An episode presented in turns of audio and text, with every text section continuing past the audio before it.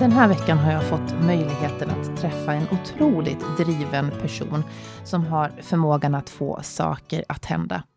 Mitt under den pågående pandemin skapar hon en 500 kvadratmeter stor pop-up-studio för 20 konstnärer och designers i form av Miss Chiefs Takeover. En plats dit allmänheten kan gå för att se konstnärer skapa och handla med sig sitt konstverk direkt.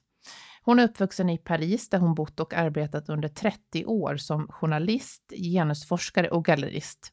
Och givetvis är det mycket intressant att få höra hennes syn på svensk design och konst. Välkommen till inredningspodden Paula Bjäringer. Hej, kul att vara här. Jag fick lov att säga, fråga dig hur ditt namn uttalas på franska. Det var inte lätt. Pas facile. Bjäringer Uh, bien rangé kan man säga också.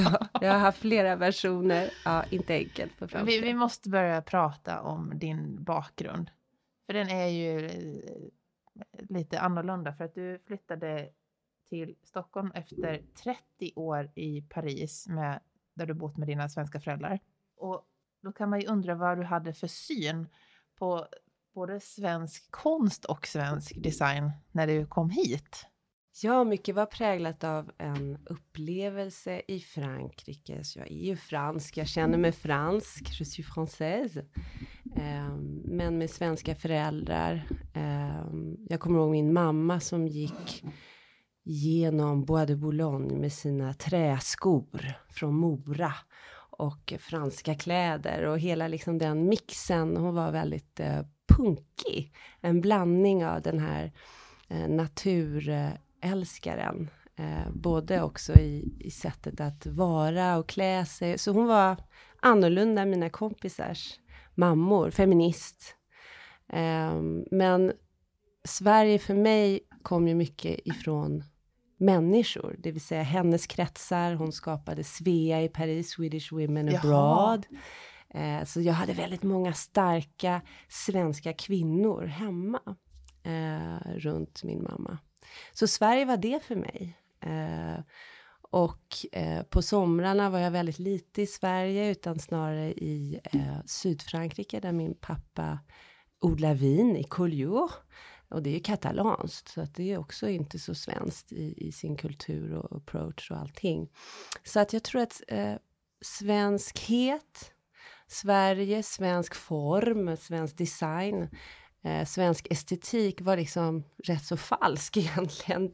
Jag fick eh, en idé när jag växte upp av, av Sverige som var eh, lite som ehm, en mirage, eh, en dröm eh, som jag skapade som barn, men som egentligen inte var fast i en, en verklighet eftersom jag var där väldigt lite. Så jag tror att den var ideell, eh, renhet, disciplin, eh, sobrietet, funktionalitet för alla, vilket jag tror att svensk design, Swedish design är ju för, för hela världen kanske. Sverige har ju lyckats oändligt bra att skapa en image, ett rykte, sen vad folkhem kanske, eh, kring de här eh, valörerna som eh, funktionalitet för alla, etc.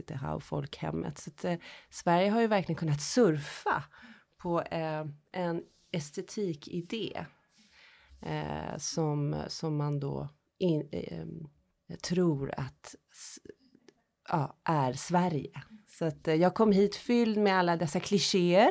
Ja, för hur kom det sig att, att ni flyttade hit? För du har en fransk man. Ja. Och numera tre barn. Och så valde ni ändå att flytta tillbaka. Ja, det var faktiskt min mans idé. Eh, han var fascinerad över alla dessa lattepappor, säger man va? Som går, ja. som går runt i coola sneakers och såg ut som honom. Eh, han kunde identifiera sig med den mansrollen och mansidentiteten som man såg här när vi hade eh, Frida, då vår yngsta. Eh, och eh, så det, det, mycket kom från honom och eh, vi flyttade hit eh, under, eller precis efter attentaterna i Paris, eh, Charlie Hebdo. Mitt galleri, Slott hette det, Slott Gallery, eh, låg i Charlie Hebdos gamla ehm, lokaler i Paris, i Azimitier. Så det blev väldigt, väldigt eh, hett kring för alla parisare, för alla fransmän självklart. Och min man jobbar med musik eh, Bataclan etc. Så det, det blir väldigt laddat och eh, som tur var så uh, hittade jag en köpare för det galleriet så att vi uh, kunde liksom börja om på nytt. Ja, men det, alltså, vi måste ta den historien nu. Jag tänkte vi skulle ta den på slutet, men du, vi måste, du måste ju berätta om den historien. Ja, du menar galleriet? Ja, det är, det är väl once in a lifetime? Ja, det första galleriet som, som låg vid Gare de l'Est. Eh, så när jag var 27 år, 28 år så eh, kunde jag eh, köpa en fantastisk lokal eh, som låg i Gare de l'Est, men som var som ett gammalt garage eh, och ateljé som jag gjorde om med en kompis arkitekt. Eh, och där började verksamheten som har blivit min specialitet som är då collectible design eller användbar nytid konst. Um, så vi byggde om det, hade första utställningen med hon som blev min mentor, Nathalie Crassé och andra icke kända och kända franska formgivare. Och så kom det in en kvinna en dag. Svarta glasögon, väldigt vacker med en accent, så lite tyskt. Och så sa hon I want to buy everything. How much for everything? Everything? no, no, no. Vad, vadå everything? Men det blev så. Um, hon var ihop med en väldigt känd stor konstnär, världsberömd och behövde en liten ateljé för sin fotografi.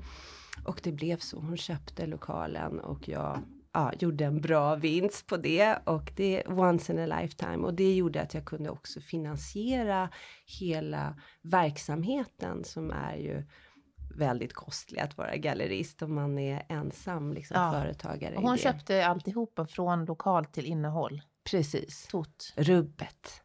Ah. Och då köpte jag de här lokalerna eh, där Charlie Hebdo, eh, franska magasinet, eh, tidningen, var. Vid Métier, en fantastisk lokal. Eh, och där hade jag några utställningar och sen hände attentaterna. Eh, och det var efter det. Eh, och när jag sålde den lokalen som vi flyttade till Stockholm. Ah.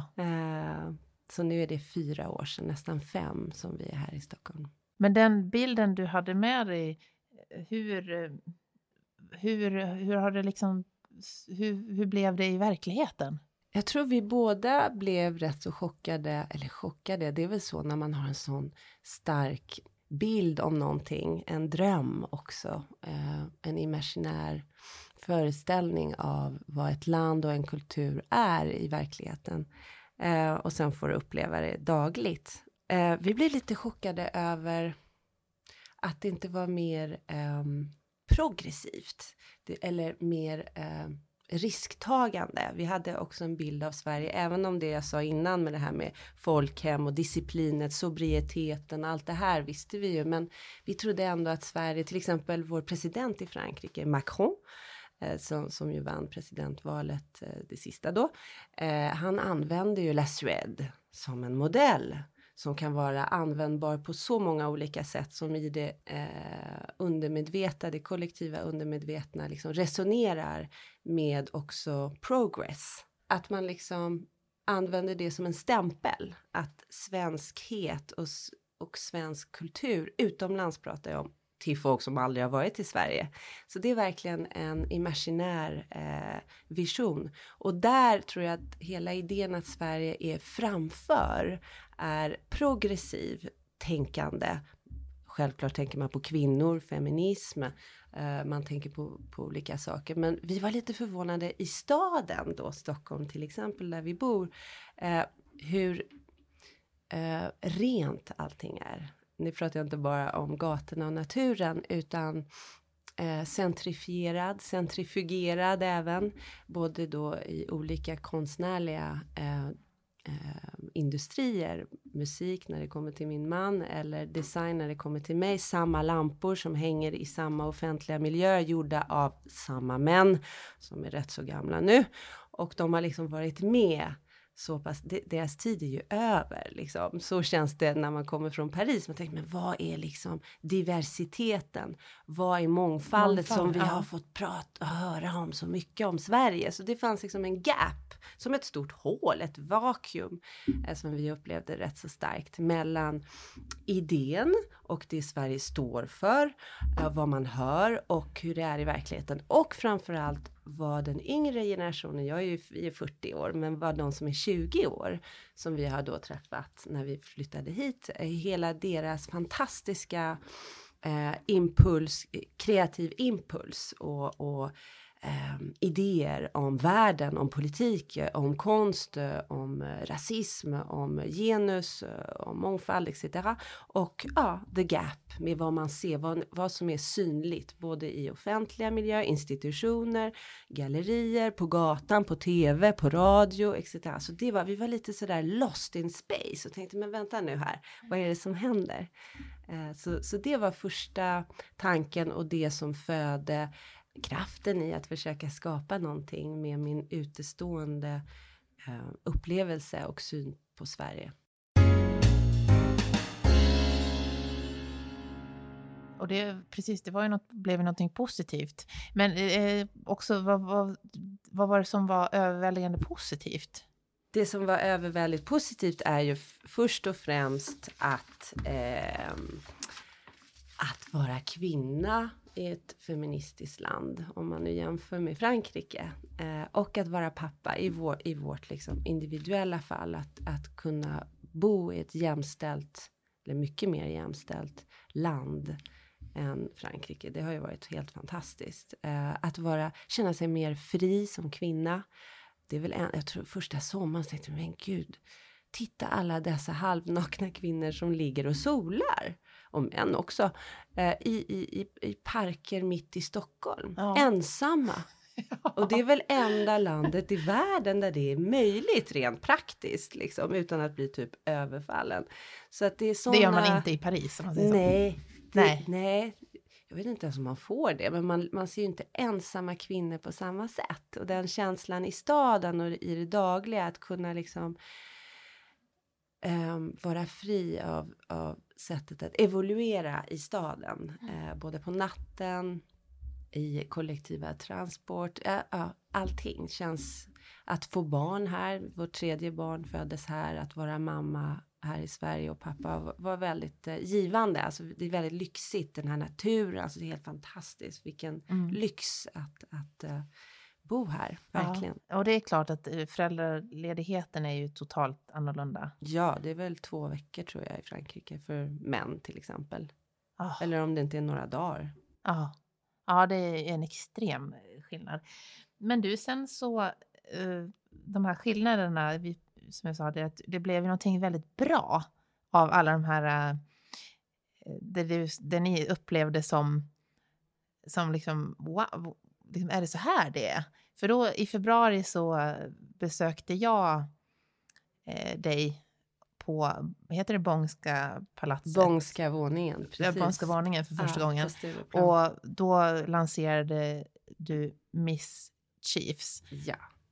Hur, du måste berätta om, om Miss Chiefs då när det lanserades i samband med möbelmässan. Ja. ja, så det var för ett år sedan snart. Um, och jag började grubbla på och, och så att säga um, formera idén kring Mischief som ett alternativ till det som jag såg och upplevt som jag pratade om innan i Stockholm liksom här och som jag verkligen upplevde saknades den här gapen som jag pratade om innan. Så först och främst behövde jag ju lära mig otroligt mycket. Jag har aldrig bott i Sverige, aldrig gått i svensk skola.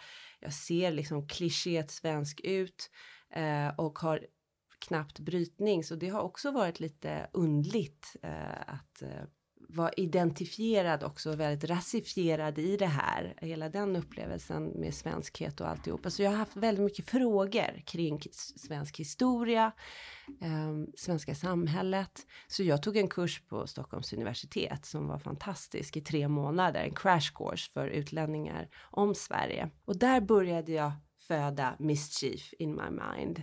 Det vill säga, eh, hur skulle en kollektion av det jag saknar, det vill säga riktig mångfald och framförallt inom då collectible design, det vill säga unika eller små serier av eh, eh, objekt som är användbara, gjorda idag av formgivare eller craft eller konstnärer som går mot design. Så det är verkligen en multiperspektiv så att säga. Och det finns ju inte, för det finns inget designgalleri i Stockholm och det var också en, någonting som jag var rätt så chockad över. Jag förväntar mig för Swedish design, man förväntar sig så mycket av Sverige, men det finns ju liksom inget designcentrum, det finns inget Eh, och de, Sverige är ju inte representerat eh, så som till exempel eh, Danmark är internationellt på stora mässor etc. Eh, så att allt det här, liksom frågor kring svenskhet, vad är det, varför är det så lite som är synligt av det riktiga Sverige idag, eh, bland eh, fantastiska konstnärer som inte är synliga utanför ja, det vanliga. Eh, och att det då inte finns något designskapande inom collectible design.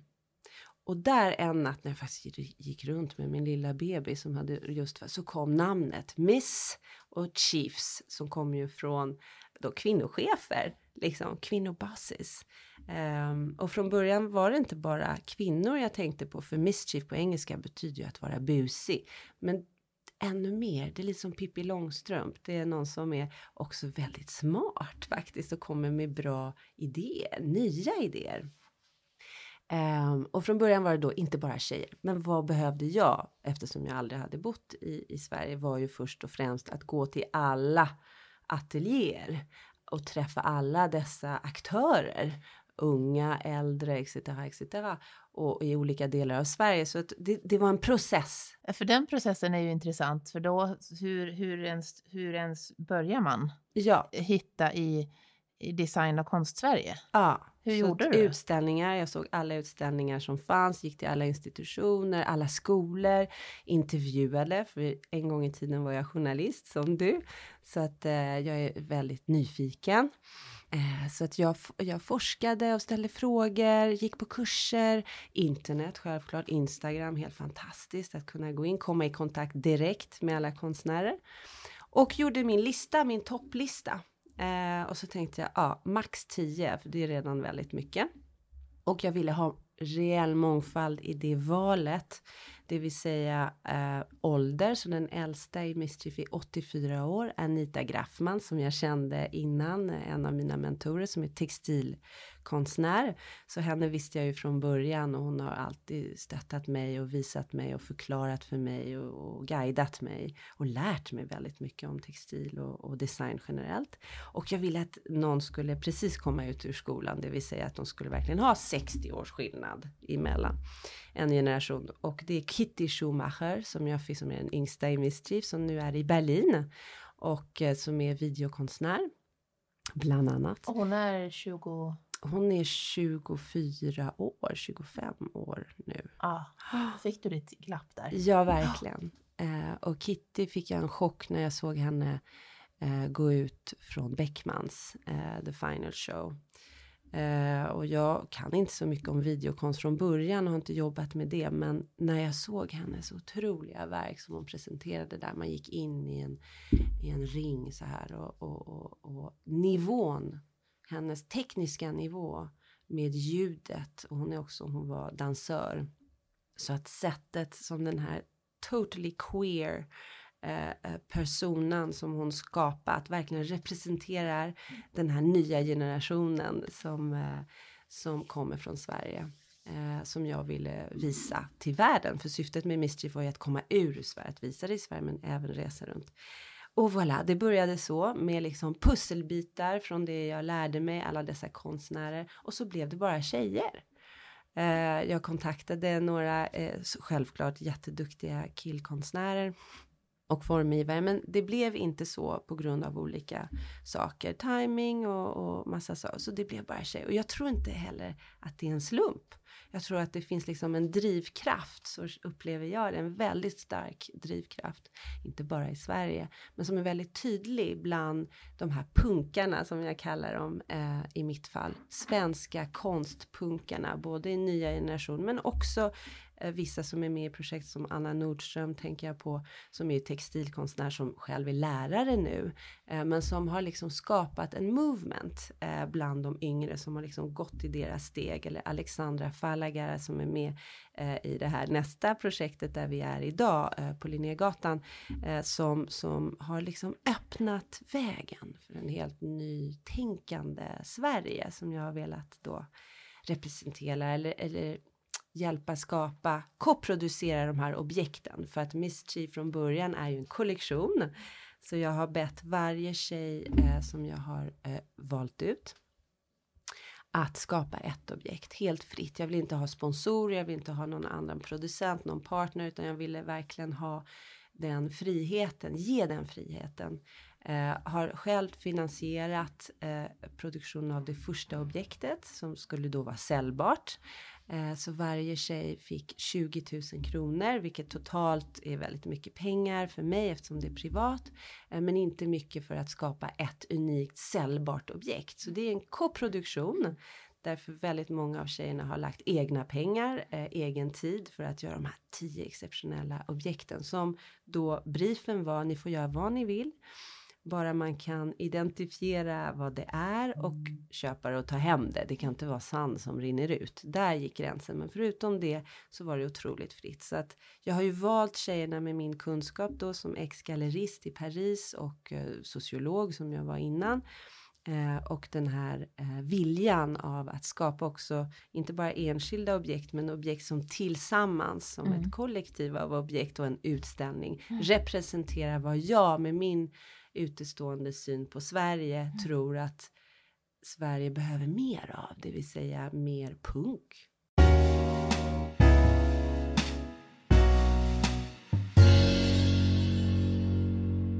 I dessa coronatider kan avsnitt behöva ändras med kort varsel på grund av sjukdomar.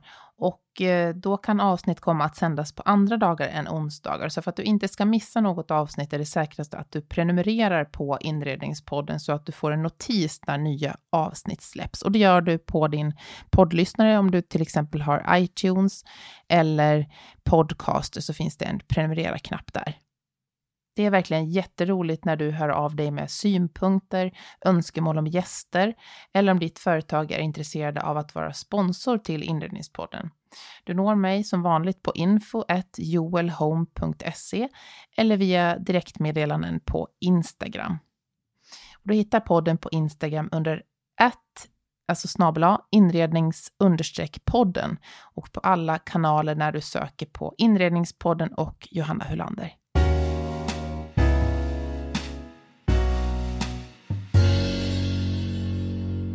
Det, men hur, hur mottogs det hela då? För då hade du jobbat ett och ett halvt år innan, ungefär. Ja, två år. Två år ja, med liksom Miss början till slut. Ja. ja. Och, och satsat så mycket av både, menar, både din privatekonomi och i, fått med de här tio kvinnliga konstnärerna. Hur, hur togs det emot? Ja, det var inte så enkelt att få med alla. Vissa tyckte det var fantastiskt och andra var rätt så, vad säger man på svenska, wary. Ja. Eh, lite eh, av, av. misstänksamma ja. tror jag över att eh, man blandar så här mycket. Vad då? Craft, design och konst och, och gamla och yngre, video med det och det. Men vad, vad, vad är det du gör Paula? Vad är det du håller på med? Så att eh, jag fick faktiskt jobba på vissa eh, som också hade flytt Sverige.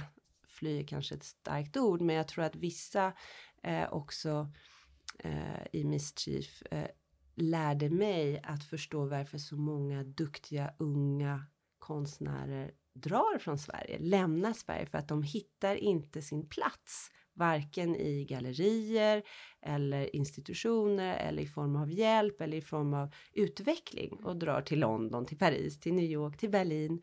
Eh, så jag fick ju gå och hämta vissa också. Eh, och till slut så sa de, de förstod liksom eh, att syftet var verkligen att eh, tillsammans skapa en känsla för publiken när de går in i utställningen. Eh, så till exempel så använder vi för de som inte var på Bångska våningen eh, den här videokonsten video, eh, ja, videokonstverket av Kitty Schumacher som är några minuter lång som gick in i loop med Teenage Engineering som har varit med eh, generöst och sponsrat hela soundet. Så det var ett rum man gick in i, kommer du ihåg? Ja. Och eh, där var hennes film då Technoference som handlar om vår eh, beroende av sociala medier och mobiltelefoner. För att man fick ju lämna telefonen Man fick igen. lämna av sig telefonen, precis. Det var innan jätte, man går in. jätteskumt. Det var ja. så här, nej men hur ska vi, ska vi lämna telefonen? Hur gör vi då? Vad Fick, händer då?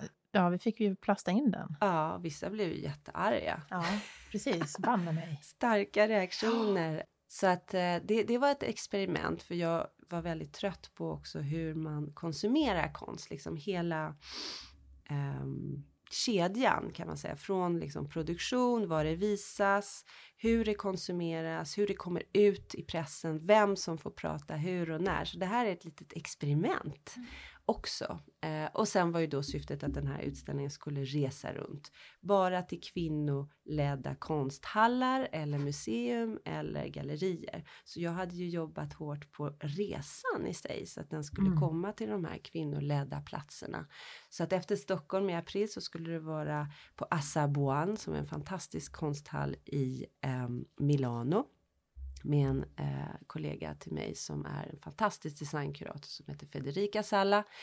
Och eh, hon valde då en eh, kvinnokonstnär eh, i Milano, såsom i Stockholm Andrén Shipchenko, galleriet som jag självklart valde direkt som samarbetare för att välja en kvinnokonstnär, så det är Yngvild Satter som är då The Stockholm Guest som har skapat ett objekt Eh, för Mischief. Så att på det viset så skulle då utställningen växa i varje stad och varje land som den kommer till. Men vi blev stoppade i Stockholm efter Bångska ja. eftersom corona kom i mars. Så ja, det var precis mars, ja. efter. Ja. Så det var ju tur att vi hann visa i den här otroliga lokalen som är ju eh, tom från början som eh, en person har initierat det här projektet där man söker gratis till den här eh, våningen på Stureplan för att kunna ha eh, utställningar och andra eh, icke,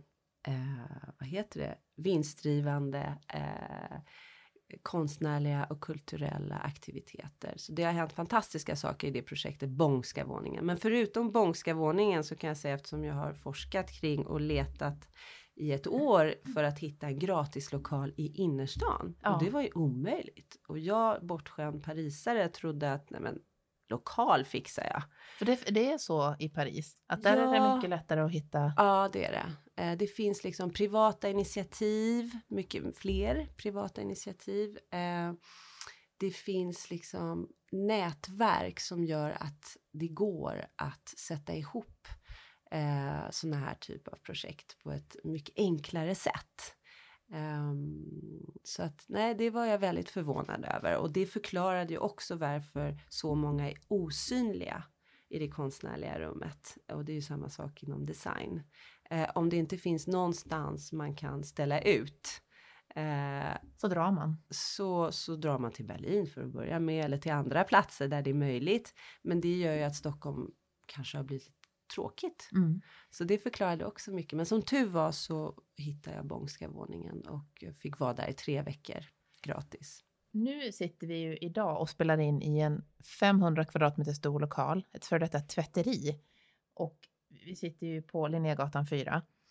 Eh, och det här är något som du kallar för Mischiefs Takeover, som en pop-up-studio. Och vi, vi har hamnat mitt i, vi sitter mitt i coronatider och du har dragit igång det här, del två på något sätt. Vad, hur kom det här sig? Ja, väldigt oförväntad eh, överraskning, fantastisk gåva måste jag säga att jag eh, kom i kontakt och så är det ju ofta, precis som med Bångska våning, att det är ibland en person, en driven, kraftfull, smart, eh, energisk visionär som gör att eh, det blir möjligt för så många andra. Eh, och i det här fallet så är det då Humlegårdens Fastigheter som är ett fastighetsbolag som ju äger många lokaler i Stockholm som jag kom i kontakt i när jag förstod väldigt snabbt då eh, mot sommaren att den här krisen kommer ta tid, att vi inte kommer kunna resa runt med utställningen. Alla saker lagrades och det blev tufft för alla och framförallt i dialogen med vissa konstnärer och vänner överallt, inte bara i Sverige självklart, som verkligen väldigt snabbt blev otroligt drabbade som konstnärer eh, såklart, men även som eh, kvinnor. Och situationen, nu hade vi inte det i Sverige så mycket med stängda skolor, men ändå. Det blev väldigt påtagligt på genusnivå också. Att kvinnor som fick liksom sitta hemma med barnen för de fick inte gå i skolan. Och eh, ja, att ha en art studio blev väldigt snabbt lyxigt. Mm. Eh, för man, om man behövde pengar så eh, om man hade en art studio, om man har en art så kan man hyra ut det, men vem hyr man ut den till? Mm. Det går inte att hyra ut, etc. Så det blev så här, var, och då kanske man lägger det åt sidan. Och kanske kvinnor gör det ännu mer, att man då lägger sitt jobb på sidan. Och sitt konstnärliga kanske ännu mera, för att det dekredibiliseras liksom mm. så pass mycket. Märkte du det här i Sverige också? Att det var så? Ja, det gjorde jag. Mm. Eh, kanske inte för de som, var, som är mer etablerade och har eh, mer möjligheter och har eh, liksom plats och utrymme. För det här är ju också en väldigt fysisk kris, eh, både geografiskt men också i staden och var man är och hur man jobbar. Liksom. Eh, och hur det präglar konsten. Så det är ju en, en fascinerande tid för konstnärer men väldigt svår. Och vad, händer, vad, vad, gör man då? Det var lite så den frågan. Vad gör jag nu? Mm. Jag har inget galleri, jag har ingen plats, jag kan inte göra det hemma. Hur gör vi liksom? Så jag skickade ut en liten SOS till alla jag känner och sa har ni en bit garage, en bit eh, vad som helst som står tomt eh, som jag skulle kunna hyra för ingenting eh, för att kunna visa de här objekten och liksom ja, vi hade ju alla jobbat så hårt och jag ger ju bort vinsten av alla objekt som säljs till kvinnostiftelse som är baserad i Stockholm som är fantastisk som heter The Case for Her eh, grundad av Kristina Ljungberg eh, som har blivit väldigt nära projektet och hon sponsrade även produktion av katalogen. För ja, det var väldigt det. viktigt mm. för mig att det skulle bli ett objekt, en riktig katalog som mm. man kan fysiskt ta i och som är också ett objekt, det vill säga skapad. Så jag har ju jobbat hela eh, det grafiska kring Mystery-bloggan och eh, eh, katalogen med mina franska kollegor som jag har jobbat med eh, sen alltid, sen över tio år som mm. är i Paris. Det är därför den är så, och den är jättecool. Ja, och så är det ja, Kimberly Ire som har tagit alla bilderna. Så det har varit en, en uh, art direction från början som mm. har varit väldigt tydlig i mitt uh, huvud men även med dem jag jobbar med i Paris som jag har jobbat med så länge. Så att det, det blev, jag är rätt, rätt väldigt glad över loggan till exempel. Ja. Men så fick du napp här? Ja, precis. Så jag skickade ut det här SOS till alla jag känner. Och eh, då kom det tillbaka olika förslag som var ja, solidaritet kan man säga. Och det är ju det som är fantastiskt i en kris, att kunna liksom tap into det. Vad, är, vad, vad gör vi nu i den här situationen? Och då eh, kom jag i kontakt med Katarina då, eh, fantastiska Katarina på Humlegårdens fastigheter och eh, jag fick nycklarna till den här lokalen och vi har varit här sedan i slutet av augusti och nu har blivit förlängda till slutet av februari. Så det är tre månader. Vi har varit här varje dag och då när jag kom hit, jag tänkte men gud, jag förstod ingenting, började gråta faktiskt lite. Och jag förstod inte, det var massa maskiner överallt och jag hade aldrig varit här. Och så gick man in och var ännu större, 500 kvadrat. Jag förstod ingenting. Så hur många kvadrat behöver du? Och hon förstod ju det här projektet. Hon förstod att det var eh, icke vinstdrivande, en ideell eh, vision för att liksom hjälpa konstnärer, bygga upp något med dem, en ny image för Sverige etc. Eh, så att det är ju det som ligger i grunden av, om jag får prata för henne, i att vi har fått det här också. Så att liksom hela storyn var väldigt fin. Så då förstod jag ju direkt att det här kan ju inte jag bara göra en replika av mina objekt och allt är ju relativt. Min utställning var ju pjuttliten här, fast det var mitt livs största projekt. Så att allt är relativt. Och det var tio eh, konstnärer då? Ja, tio konstnärer, tio objekt mm. eh, som kom hit och levererades. Ah, finally kan vi visa dem igen. Mm. Men då kom jag ju på att det här måste ju gå tillbaka till konstnärerna, det vill säga kvadratmeter eh, art studio. Så jag ringde alla tjejerna från Mystery, vem behöver en art studio, vem behöver space? Och då svarade Anna Nordström eh, och Farvars som är med i projektet eh, från början. Och sen så kontaktade jag nya tjejer, nya kreatörer och då var det ju liksom en, ett, en evolution, ett annat projekt från Mischief som går då från objekt och en utställning till riktiga människor och riktiga konstnärer som är här. Så det har liksom, det kom väldigt snabbt. Jag hade väldigt lite tid.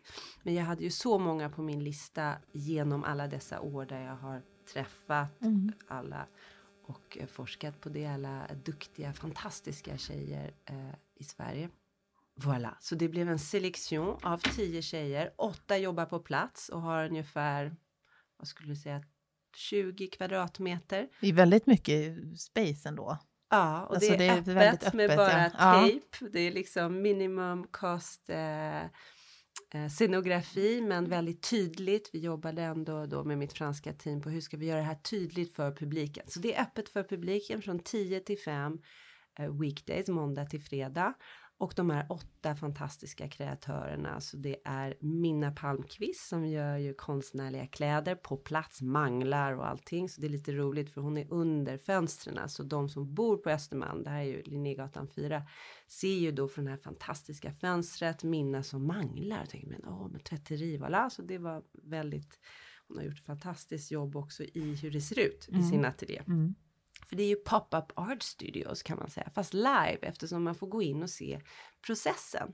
Bredvid henne så är det Farvars som är en fantastisk eh, konstnär som blandar forskning, hon är forskare inom nanoteknologi.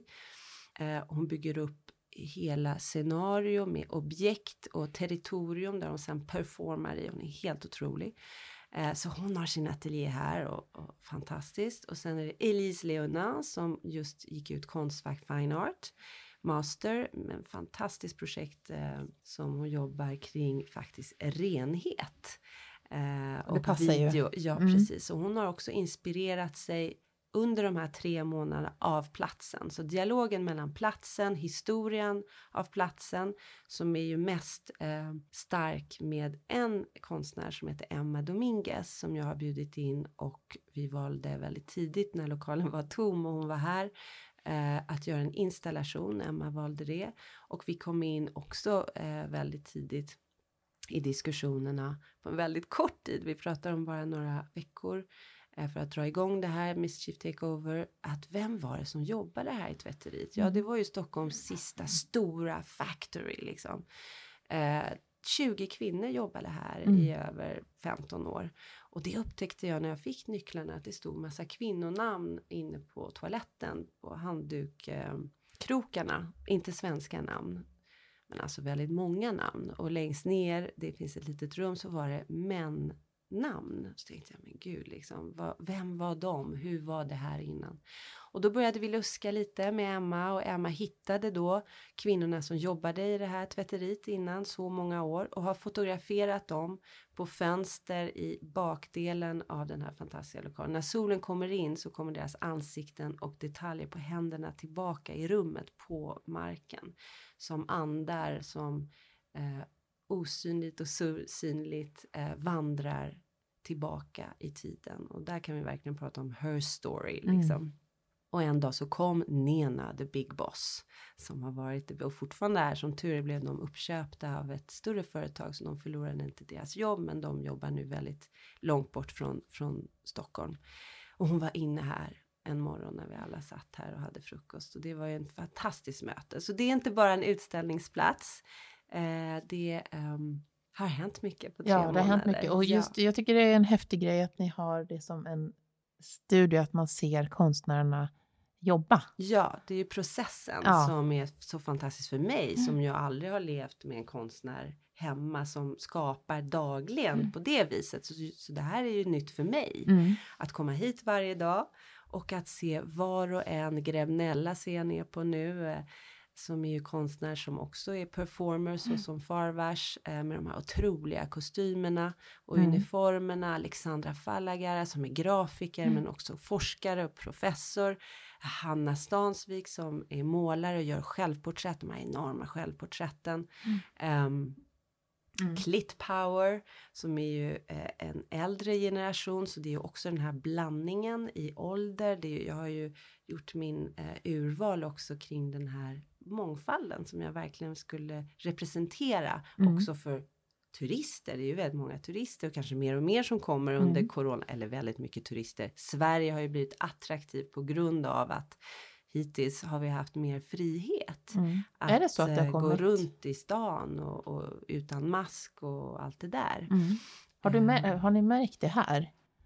Att det har kommit in en, en del turister också Ja, så? det var faktiskt rätt så många, inte nu längre eftersom lockdown har börjat igen då i andra delar av Europa, men när det innan dess, det vill säga i september och så, september, oktober, där, där när vi öppnade var det faktiskt rätt så mycket turister som kom hit Mm. och många som helt plötsligt sa äntligen så, så är vi på en plats där det finns riktig Swedish design liksom. För ofta hamnar man ju på Svenskt Tenn. Eh, och, och väldigt många turister eller fransmän som ringer mig eller kontaktar mig och säger vad ska man gå när man kommer till Stockholm? Ja, vi har varit på Fotografiska, jättebra. Vi har varit där, vi har varit på de gallerierna. Men vad ska man, vad vill man köpa contemporary liksom? Eh, Så det är väldigt många och det är jag väldigt glad över att få feedback från publiken och även den utländska publiken. För det var ju syftet från början att få ut Mischief från Mm. Sverige. Men du, jag måste få, få eh, fråga dig det. Det är ju lite udda. För mitt i den brinnande coronapandemin så, så får du den här drivkraften att köra på. Ni har ju, det- ni har ju mm. gjort, du har ju liksom, vi sitter ju här omgivna av handsprit och, och masker och allting och det är ju väldigt bra tänk kring, kring just det. Men det är ändå väldigt eh, ovanligt vågat initiativ. Att nu kör vi mitt i brinnande pandemi så gör vi det här projektet. Eh, vad, och, och ni har ju också hittat många nya kreativa lösningar på både eh, Instagram och live på, på olika kanaler varje dag. Live performance. Men var får du drivkraften ifrån?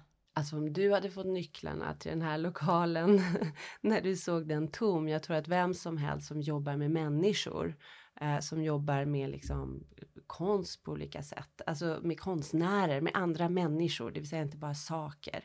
Eh, skulle ju i pandemin, just precis för att det är en sån corona-friendly space, det är ju 500 kvadrat, det är ju väldigt stort. Eh, och svenskar och svenska publiken är ju väldigt eh, disciplinerad om man nu kommer från Frankrike att följa då regler. Så att det, det, är ju, det känns ju väldigt, väldigt tryggt i den här perioden om man ska säga så. För de här åtta tjejerna som jobbar på plats plus då Nashla Libre som har en installation där nere. Ehm, och Emma Dominguez plus då inbjudna varje vecka nya konstnärer. De är synliga från gatan. Eh, så att för mig väldigt tydligt, väldigt tidigt för att svara på din fråga så insåg jag att det finns en potential ja, i den här specifika lokalen som ligger så centralt. Man behöver inte ta buss, man behöver inte, man kan gå hit liksom. Den ligger så bra, man kan se från gatan, man behöver inte komma hit. Jaha, men vad kan vi göra med streama? Det gav mig impulsen att tänka okej, den här krisen är här för att stanna. Den är här ett tag, det kommer inte gå över Eh, just precis nu. Vad gör vi? Nu har jag fått den här otroliga gåvan med att kunna vara här. I början var det ju månad efter månad, men vad gör vi? Ja, vi börjar med att publiken ska få se processen. Så att drivkraften kom från konstnärerna, kommer hela tiden från att i min del, för min del, se dem varje dag, prata med dem, kommunicera med dem, att de delar med mig, skolar mig i vad den konstnärliga processen är. Och sen att jag blir liksom passagen mellan dem eh, och förmedlar till publiken och drar hit publiken, förklarar. Det är ju lite, Mm. man, man är ju lite så här, åh vad är det här? Så mycket föremål eller Mm. hur man kommer in. Men, Ja, ja. Så jag går ju emot varje person som, eller till varje person som kommer in och guidar dem. Och, så det blir en diskussion. Och jag tror att den här mänskligheten, även om man har mask och står på distans, eh, är ju oändligt viktigt, vital och kanske ännu mer idag.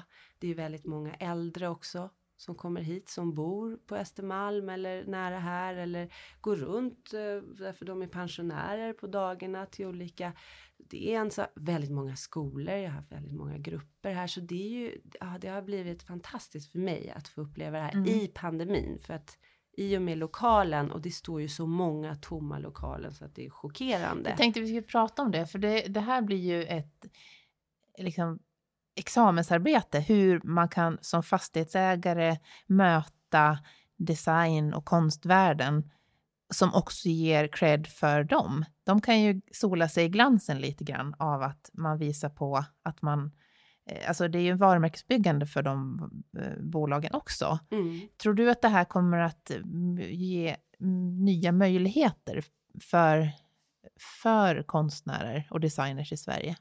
Att den här pandemin kan vara början på det? Ja, jag tänker på också initiativ där många tillsammans slås ihop för att publiken och vi alla och de som producerar eh, det finns ju olika saker, det finns ju mode, det finns musik, mm. alltså inte bara konst så att säga. Eh, att det måste vara en multidisciplinär engagemang med inte bara en ett utställningsplats utan en mötesplats för människor där de kan échanger, exchange, prata med mm. varandra, både idéerna. Många har ju sagt här att och äntligen finns det en plats vi kan samlas, en plats vi kan träffas, en mm. plats vi kan ses, en plats vi kan träffa nya, bygga nya broar, nya projekt. Och där tycker jag att eh, ett ord som jag tycker väldigt mycket om som heter mell mellanförskap, det, det är ordet som ju nu är väldigt eh, viktig eh, i alla diskussioner kring olika saker. Men jag tänker på Konsthall C till exempel i Hökarängen eh, som ju verkligen också är faktiskt en tvättstuga från början eller tvättstugcentral. Och det är ju samma sak där precis som sådana projekt som finns i Frankrike och som har inspirerat den här platsen omedvetet tror jag för jag har varit där och mått väldigt bra på de ställena som är ju en mötesplats, en produktionplats men också engagerar en ny typ av publik i vårt fall är det Östermalm, vilket jag tycker är fascinerande att mitt i maktposition, okej, okay, vem visar man här? Vem ska vara synlig idag 2020 mm.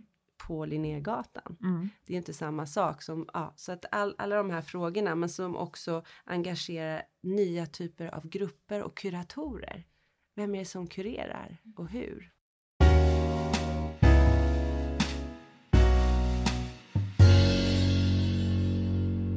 Många nyutexaminerade studenter har ju viss fundering. Hur, hur överlever man den här krisen? Vad, vad säger du till dem? Knacka på dörrar. Skrik lite högre, var lite mindre svensk, lite osvensk, var lite mer revolutionär. Jag tror mycket på att eh, alla sitter och väntar. Eh, vad kommer att hända? Lite paralyserade av situationen, vilket är ju Eh, Eh, logiskt. Men att det just precis i det momentum, nu pratar de ju om vaccin etc. Så att det här momentum kanske helt plötsligt är över. Mm, liksom.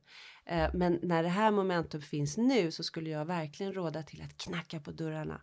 Ta telefonen, ring upp direkt, kanske inte ens skicka e-mail. Ring upp, kom med idéer.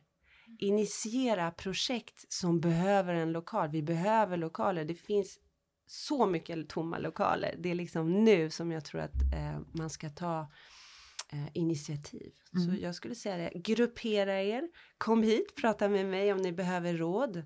Eh, och desto starkare vi är tillsammans också. Eh, jag hoppas verkligen att det kommer skapa mera broar mellan banker, fonder, staden, gallerier, museum, men även individer som faktiskt har idéer själva och möjligheter. Mm. Hur gör vi allihopa tillsammans i den här tiden för att sätta Stockholm på kartan? För det är ju lite det som jag är efter med den här platsen och som jag har fått från feedback av då den svenska publiken som är uppväxt här. Att åh, det känns som Berlin, det känns som New York. Nej, men det här är ju Stockholm.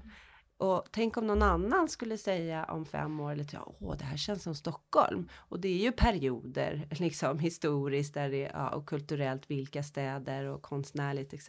Men vi måste ju alla våga mm. sätta Stockholm på kartan. Du har ju tidigare jobbat som, som du sa, både som journalist, genusforskare, du skriver en bok, du har eh, tagit fram sexleksaker från ett feministiskt perspektiv. Eh, du har varit gallerist och nu detta. Vad är nästa steg? Jag hoppas verkligen att Mischiefs um, ehm, kan fortsätta att växa. Nu har den fått en, en plats som är ju en pop-up i ett tag och blivit förlängt. Eh, men jag hoppas eh, att det kan fortsätta i Stockholm, för jag tror Stockholm verkligen, jag inser nu när vi har blivit kvar i Stockholm, att eh, det verkligen behövs. en plats som ger plats till eh, olika kreatörer, men framförallt de som har eh, blivit eh, utkastade eller eh, ja, det behövs liksom mycket mer jämlikhet och utveckla konstvärlden med mycket mer demokratiskt. Så att eh, jag vill verkligen fortsätta att vara med i en slags också dekolonisation. Vilket är ett stort ord, men i mitt urval som är på min lilla skala så um, inser jag ju varje dag i det här fantastiska projektet hur viktigt det är att vara medveten. I mitt fall som vit privilegierad eh, kurator eller producent. Allt jag får lära mig av både eh, transartister som har varit här, eh, som är 20 år och kunde vara mina barn och har verkligen skolat mig kring liksom, en tankeställande och hur jag kan tänka om och ge mer plats, hålla tyst. Eh, vilket jag tror många av, av vi eh, liksom, som har ju dominerat eh, vår egen konsthistoria Eh, som är vår vita konsthistoria och institution, institutionerna, eh, museerna. Så jag vill fokusera mer på Sverige, lära mig mer om den här specifika platsen och hur jag kan delta i den och bygga broar, kanske nya möten med nya människor för att bygga ett större mischief, en permanent plats, varför inte? Men även en liten dröm att eh, jobba på residens det vill säga att bygga en bro mellan Frankrike och Sverige i form av en mischief-residens för utvalda kvinnokonstnärer. Um, och icke-binära också. Det är inte bara kvinnor, men även de som um, är transartister till exempel. Um, mellan Frankrike och, och, Sverige. Så jag hoppas ju att när pandemin är över, att det kan bli eh, en, ett nytt projekt mm. för Mischief. Och sen tänker jag på hela resten av Sverige, för nu sitter vi ju i Stockholm och här säger ju här händer det ju, om det är någonting som händer så är det oftast här. Så vi har ju hela landsbygden också. Verkligen. Eh, och där är, vore det ju väldigt intressant att få de kontakterna och nätverken att kunna på något sätt identifiera alla tomma lokaler överallt eh, i Sverige och ha en plan på en liksom större skala. Eh, och där är det ju intressant med en sån här plats som är öppen för Stockholms stad har ju varit här och institutioner av olika verk så att ja, fortsätta diskussionen, men förhoppningsvis också som med det här fastighetsbolaget. Den här möjligheten har ju kommit genom ett fastighetsbolag, men jag tror att det finns andra dörrar som kan öppnas mm. och flera samtidigt. Det behöver inte vara en plats, det kan vara massa platser på olika ställen så att, att det växer. Precis. Du, och I den här podden får man önska en gäst som man skulle vilja lyssna på. Vem skulle du vilja lyssna på? Farvars som är en av Mischief eh, tjejerna som jag pratade lite om innan, eh, som är här på Linnégatan och kommer vara här eh, tills vi, vi stänger eh, med då eh, performance som jag verkligen råder er att få uppleva. Och hon är extremt unik eh, i sitt konstnärskap ehm, och har ju varit mycket i London, men nu på grund av pandemin också så är hon här i Stockholm, så det finns ett momentum också att kunna intervjua och lyssna på alla dessa fantastiska kvinnokreatörer som faktiskt flyttar tillbaka till Sverige på grund av att vi har mer frihet eh, fysiskt att gå runt i staden etc. än andra delar som Paris, London etc. Så det finns ett så farvars definitivt mm. att få hennes syn på Sverige, det konstnärliga rummet, performance, mångfald, yes, farvars. Ah, tack för tipset. Eh, om man vill komma i kontakt med dig, man tycker att nu, jag vill veta mer, jag vill ha en massa tips till dig. Hur ja. kommer man i kontakt med dig? Då kan ni gå till Instagram, för det är jag, det är bara jag som tar hand om den. Um, vi har liksom ingen reklambyrå eller något, utan vi gör allt in house. Uh, så det är Mischiefs .se, lite komplicerat, men det är M-I-S-S som Miss och sen Chiefs, C-H-I-E-F-S, misschiefs.se och där kan man bara skicka ett meddelande eller komma till Linnégatan 4. Jag är här måndag till fredag. Tusen tack Paula. Tack själv.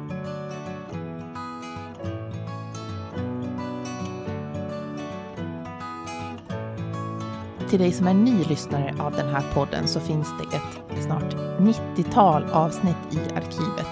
Och alla avsnitt handlar om skandinavisk design, inredning eller arkitektur på olika sätt. Och du hittar dem på, ja, där poddar finns eller på inredningspodden.com.